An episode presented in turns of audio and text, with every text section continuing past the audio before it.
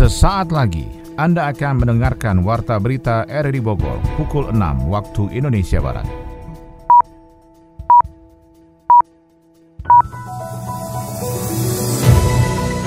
Selamat pagi dan salam jumpa. Kami kembali hadir dalam Warta Berita pagi ini Sabtu tanggal 30 Januari 2021. Siaran ini juga Anda dapat dengarkan melalui audio streaming di RRI Play dan juga Anda dapat dengarkan kembali melalui podcast kami di Spotify, Anchor, Potel, dan Google Podcast. Warta Berita RRI Bogor juga disiarkan Radio Tegar Beriman Kabupaten Bogor, Jawa Barat. Berikut berita utama hari ini. Kasus kematian harian akibat COVID-19 di Indonesia kian mengkhawatirkan. Warga korban banjir di Kampung Cisampai dan Kawah Dulang, Desa Tugu Selatan, Kecamatan Cisarua, Kabupaten Bogor yang menjadi korban banjir diusulkan untuk direlokasi. Untuk ke depan harus ada relokasi. Kemudian yang lokasi itu disarankan untuk dihutankan atau ditanami penghijauan. Saya Maulana Isnarto, inilah Warta Berita selengkapnya.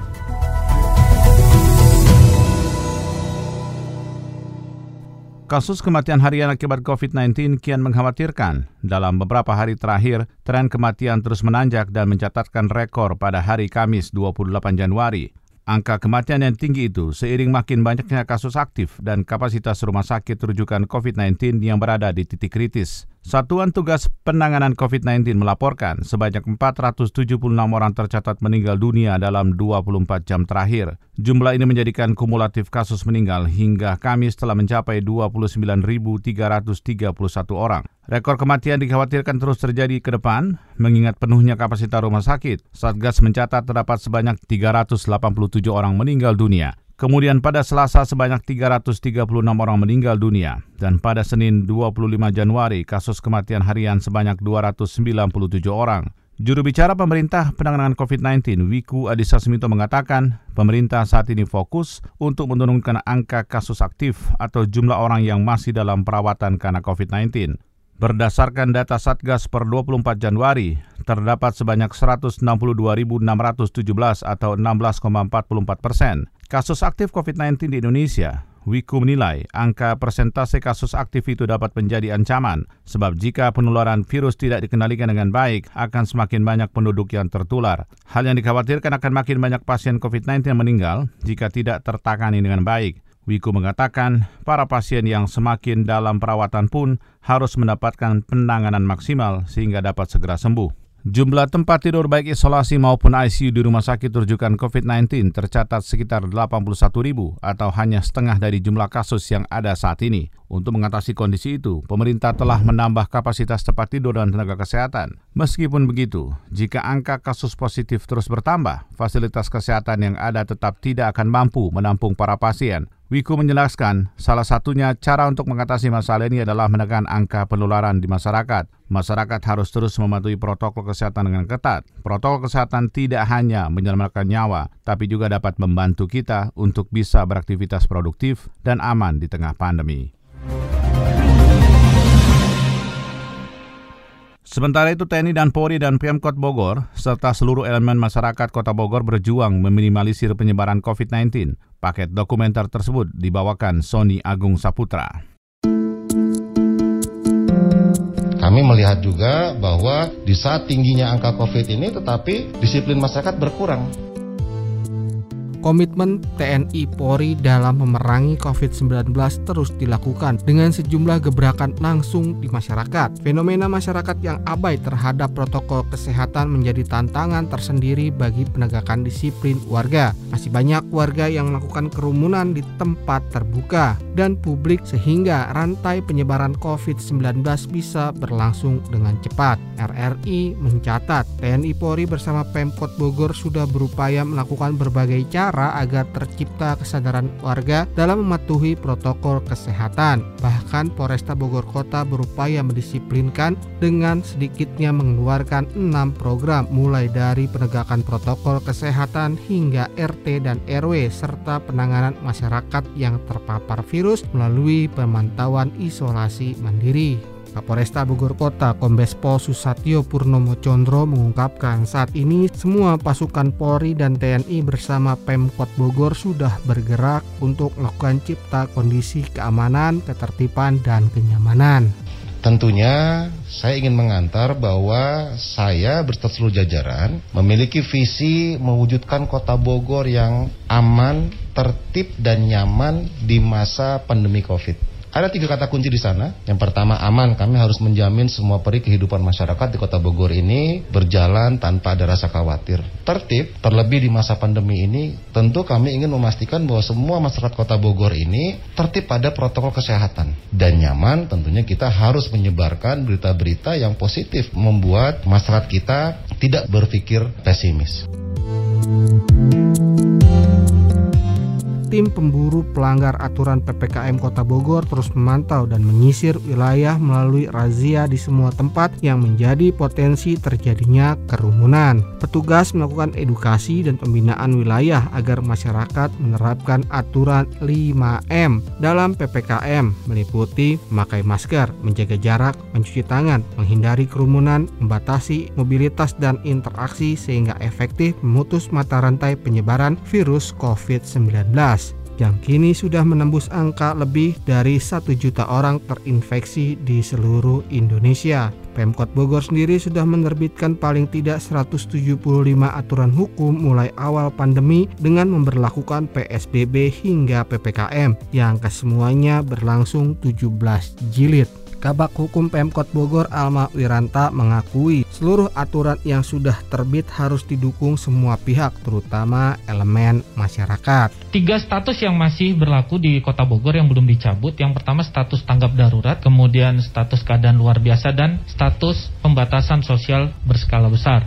Strategi-strategi yang sudah berjalan selama ini itu membutuhkan kekuatan yang harus komprehensif semua lini. Kekuatan yang ada selama ini hanya berpangku kepada aparatur penegak hukum, kemudian Pemkot, tidak melibatkan dari sektor masyarakat. Apa yang diharapkan dengan adanya regulasi terakhir mengenai PSBMK itu pembatasan sosial berskala mikro dan komunitas kami ingin mengajak agar masyarakat juga ikut berperan aktif itu di dalam perwali 110 mengatur regulasi terkait dengan hal itu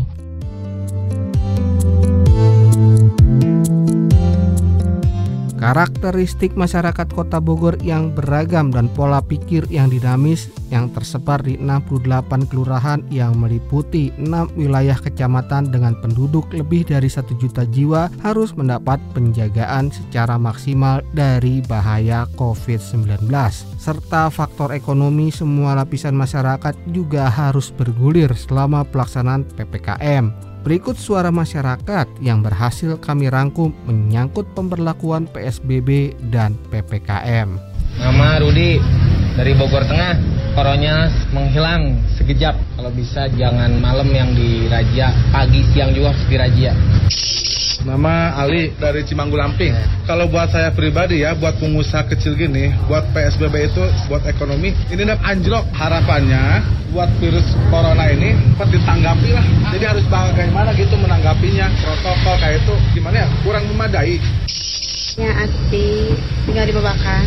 Segera buka deh PSBB nah. Selesai, nah, pusing. Jualannya jadi sepi.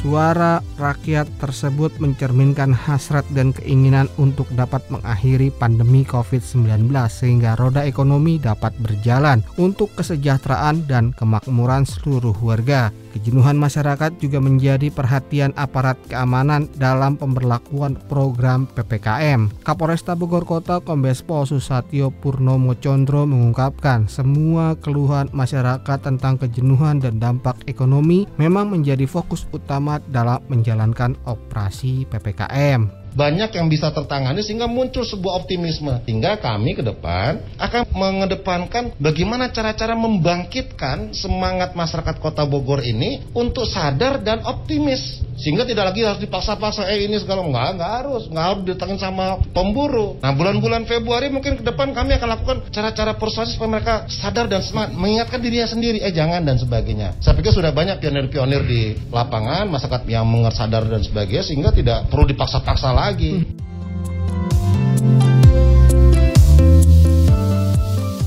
Pasukan TNI Polri akan tetap bersiaga di seluruh tempat yang menjadi potensi kerumunan dan penyebaran COVID-19. Masyarakat baik individu atau perusahaan termasuk hotel dan restoran yang tidak patuh akan terkena sanksi berupa pelanggaran administrasi atau denda yang sudah diatur dalam produk hukum PPKM.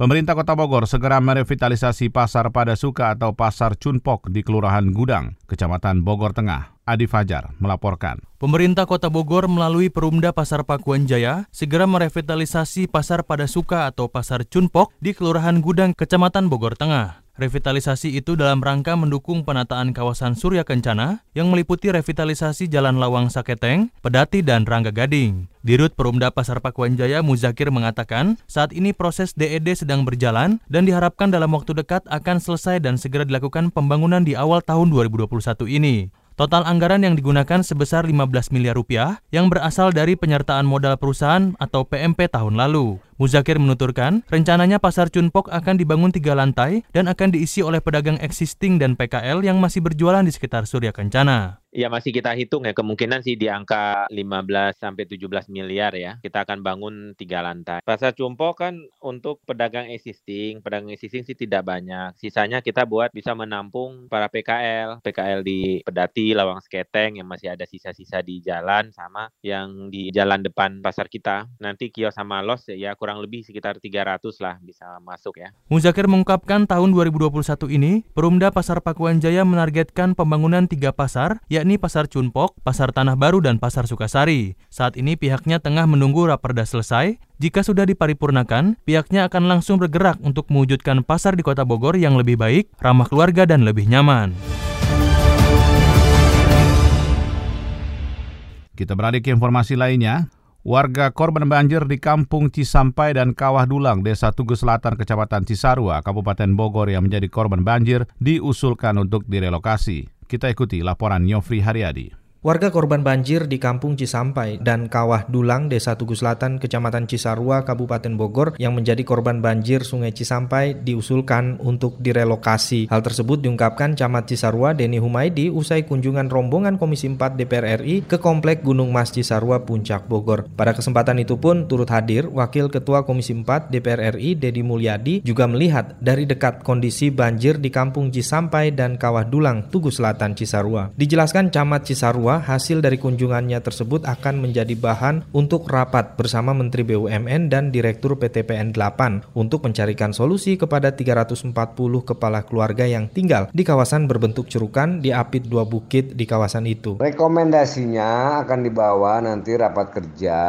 antara kementerian terkait, Kementerian BUMN, KLHK, ya kemudian juga dengan Dirut atau PTPN 8. Rekomendasi rekomendasinya untuk ke depan harus ada relokasi. Kemudian yang lokasi itu disarankan untuk dihutankan atau ditanami penghijauan. Hari Senin itu akan dibahas di DPR RI. Kalau saya di kecamatan, Pemda yang mendorong mana yang terbaik. Terlebih itu kan memang objek vital nasional, artinya milik negara, yaitu ya negara yang urus. Lokasi pemukiman di areal perkebunan teh Gunung Mas dinilai tidak aman dihuni di masa mendatang. Selain jauh dari dari sumber air juga berada di tebingan dan siapa pun tidak boleh menyepelekan peristiwa yang pernah dialami oleh warga di kampung tersebut. Sehingga pihak dari DPR RI akan mengusulkan untuk dilakukan relokasi kepada warga di tempat yang aman. Sementara mewakili pemerintah daerah Camat Cisarua mendukung upaya terbaik bagi warganya agar terhindar dari ancaman bencana alam di kawasan itu. Pendengar, ingat pesan ibu karena sosok ibu adalah sosok yang dihormati oleh sebuah orang dalam berbagai perannya. Ingat pesan ibu sebagai pamungkas, bahwa jika kita tidak menerapkan protokol kesehatan, kita bisa kehilangan ibu kita. Maka, ingatlah selalu pesan ibu, yaitu 3M, memakai masker, menjaga jarak dan menghindari kerumunan, mencuci tangan dengan sabun di air yang mengalir. Melalaikan 3M bisa membahayakan diri kita, keluarga kita, dan jangan sampai menyesal tidak mendengarkan pesan ibu, karena bisa jadi ibumu sendiri menjadi korban dari kelalaian diri kita. Pesan ini disampaikan oleh Radio Republik Indonesia bekerjasama dengan Badan Nasional Penanggulangan Bencana.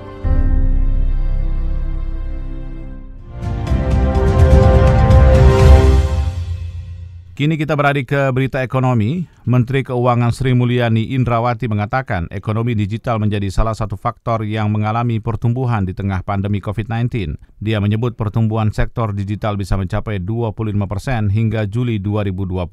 Namun demikian, Sri Mulyani menyayangkan jika peningkatan sektor digital belum ada keseragaman kebijakan perpajakan yang diterapkan oleh negara di dunia. Di saat yang sama, juga belum adanya persetujuan perlakuan perpajakan pada sektor ekonomi digital. Pajak menjadi salah satu andalan pemerintah dalam pengamanan penerimaan negara di tengah pandemi COVID-19. Setoran negara yang berasal dari pajak mengalami penurunan drastis, padahal sektor digital menjadi potensi bagi setiap negara untuk bisa mengamankan setoran negara di tengah krisis yang berasal dari sektor kesehatan. Oleh karena itu, mantan Direktur Pelaksana Bank Dunia itu memandang pembahasan mengenai kebijakan perpajakan digital menjadi penting ke depannya. Apple kembali dinobatkan sebagai merek termahal di dunia oleh Brand Finance, baik di peringkat Amerika Serikat maupun global. Kenaikan itu diduga dari kebijakan diversifikasi pada layanan digital dan langganan Apple.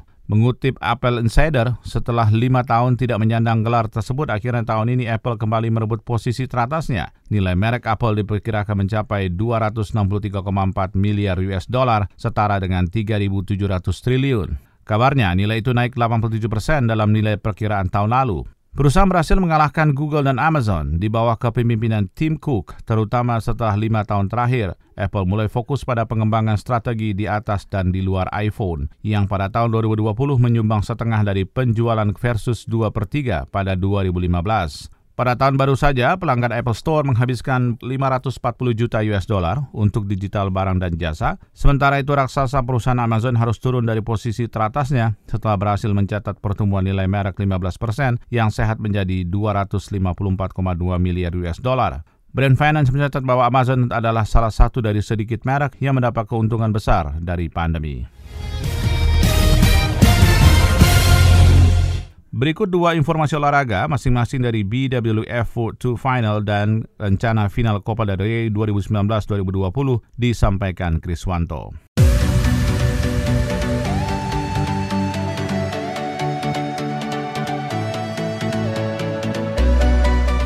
Ganda putra andalan Indonesia Muhammad Ahsan Hendra Setiawan berhasil memetik kemenangan atas wakil Malaysia Aaron Chia Soh Wei Yik pada partai penentuan fase grup BWF World Tour Finals 2020. Bermain di lapangan 1 Impact Arena Bangkok, Thailand, Jumat kemarin, Muhammad Ahsan Hendra Setiawan menang lewat rubber game dengan skor 18-21, 21-17, dan 21-11. Dengan hasil ini, Ahsan Hendra yang mengamankan dua kemenangan berhak melaju ke babak semifinal BWF World Tour Final 2020.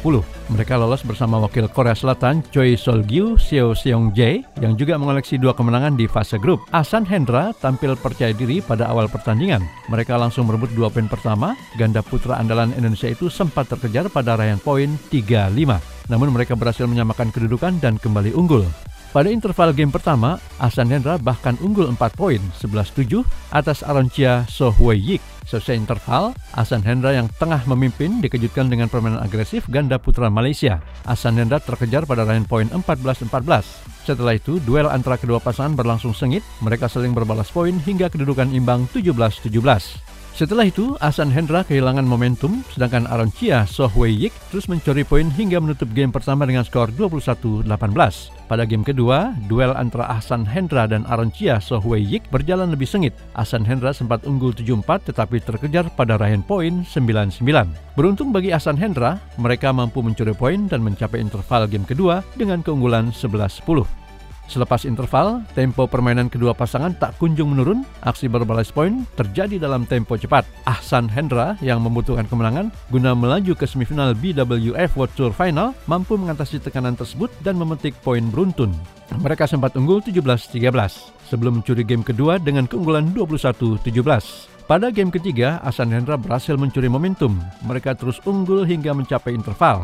Setelah interval, Asan Hendra pun semakin menjauh dari kejaran Aroncia Sohwei Yik. Asan Hendra kemudian mampu mengakhiri game ketiga dengan keunggulan 21-11. Dengan demikian, Asan Hendra dinyatakan sebagai pemenang mengalahkan Aroncia Sohwei Yik dalam durasi 44 menit. Federasi Sepak Bola Spanyol RFEF pada Jumat kemarin mengumumkan secara resmi menunjuk Stadion La Cartuya di Sevilla sebagai venue partai final Copa del Rey 2019-2020. Final akan berlangsung pada 3 April 2021 dan final Copa del Rey 2019-2020 yang mempertemukan Real Sociedad melawan Athletic Bilbao sedianya dimainkan pada 18 April 2020 tetapi rencana itu buyar karena pandemi COVID-19 yang melanda dunia termasuk Spanyol. Walhasil, tiket fase grup Liga Eropa 2020-2021 lungsur ditentukan haknya lewat klasemen akhir Liga Spanyol 2019-2020. RFEF saat ini masih dalam posisi berencana menggelar partai final tanpa penonton, tetapi tidak menutup rencana berbeda jika keadaan mendukung. Sociedad dan Bilbao sama-sama mencapai final dengan cara yang tak mudah, termasuk masing-masing menyingkirkan Real Madrid dan Barcelona di babak perempat final. Kendati punya catatan 20 kali juara Copa del Rey sepanjang sejarah, Bilbao terakhir kali mengangkat trofi itu pada tahun 1984. Sedangkan Sociedad hanya dua kali menjuarai Copa del Rey, yakni pada tahun 1909 dan 1987.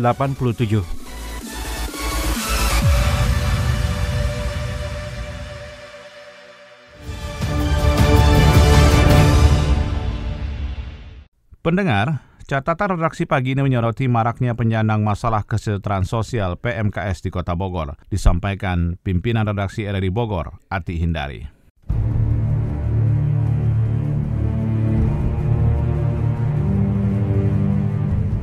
Selamat pagi pendengar. Kota Bogor sebagai penyangga ibu kota DKI Jakarta masih menyimpan persoalan dengan penyandang masalah kesejahteraan sosial di kotanya. Ini nampak tidak pernah usai PMKS masih tersebar berkeliaran seantero kota hujan. Orang-orang terisolir termarginalisasi ini jumlahnya cukup fantastis. Ada 60.994 jiwa, 41.759 warga miskin penerima bantuan, dan 19.235 adalah anak jalanan, anak terlantar, orang terlantar, disabilitas, orang dengan HIV AIDS, hingga LGBT. Menjamurnya taman-taman kota mungkin dianggap nyaman oleh para gelandangan dan anak jalanan, secara tidak langsung berkontribusi menjadi sarang keberadaan PMKS. Pinggir-pinggir jalan protokol menjadi daerah favorit para PMKS nongkrong, seputaran Kebun Raya Bogor, Sukasari, Warung Jambu, Yasmin, bahkan menyeruak masuk ke dalam lintasan tol. Contoh aktual, di saat pandemi COVID-19, masih banyak pengemis tanpa memakai masker dan berpakaian ala badut berkeliaran di tepi jalan. Segerombolan pengamen jalanan selalu nongol di perempatan jalan utama dan pengamen lain mondar-mandir naik turun angkot. Mereka bebas berkeliaran tanpa ada pengawasan, seolah ada pembiaran. Pemandangan ini nampak kurang sedap, memperburuk estetika kota. Konon kabarnya, Dinas Sosial Kota Bogor selalu menggelar rapat koordinasi terkait penyelesaian isu PMKS. PMKS ini rata-rata berdomisili dari luar kota Bogor. Isunya dari jumlah yang dirasia, Kabupaten Bogor wilayah baratlah sebagai penyuplai PMKS yang eksis di jalanan kota hujan.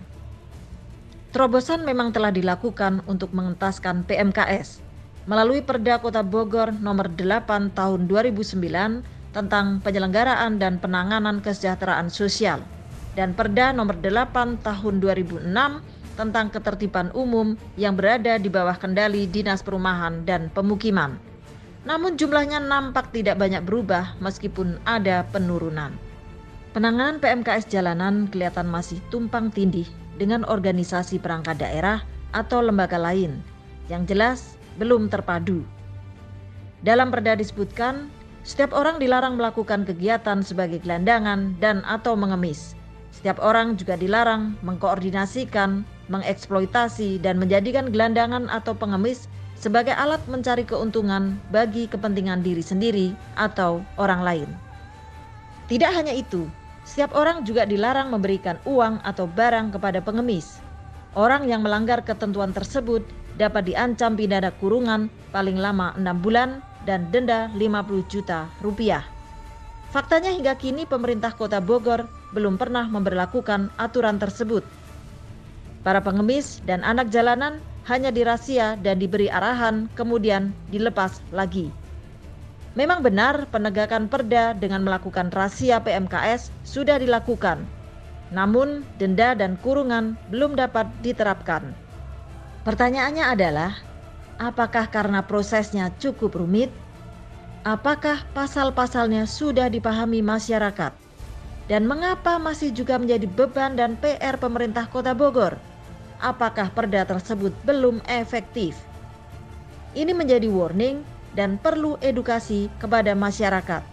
Seyogyanya tidak perlu bersedekah di jalan dan akan lebih baik disalurkan melalui lembaga-lembaga sosial. Sekian catatan redaksi dan selamat pagi.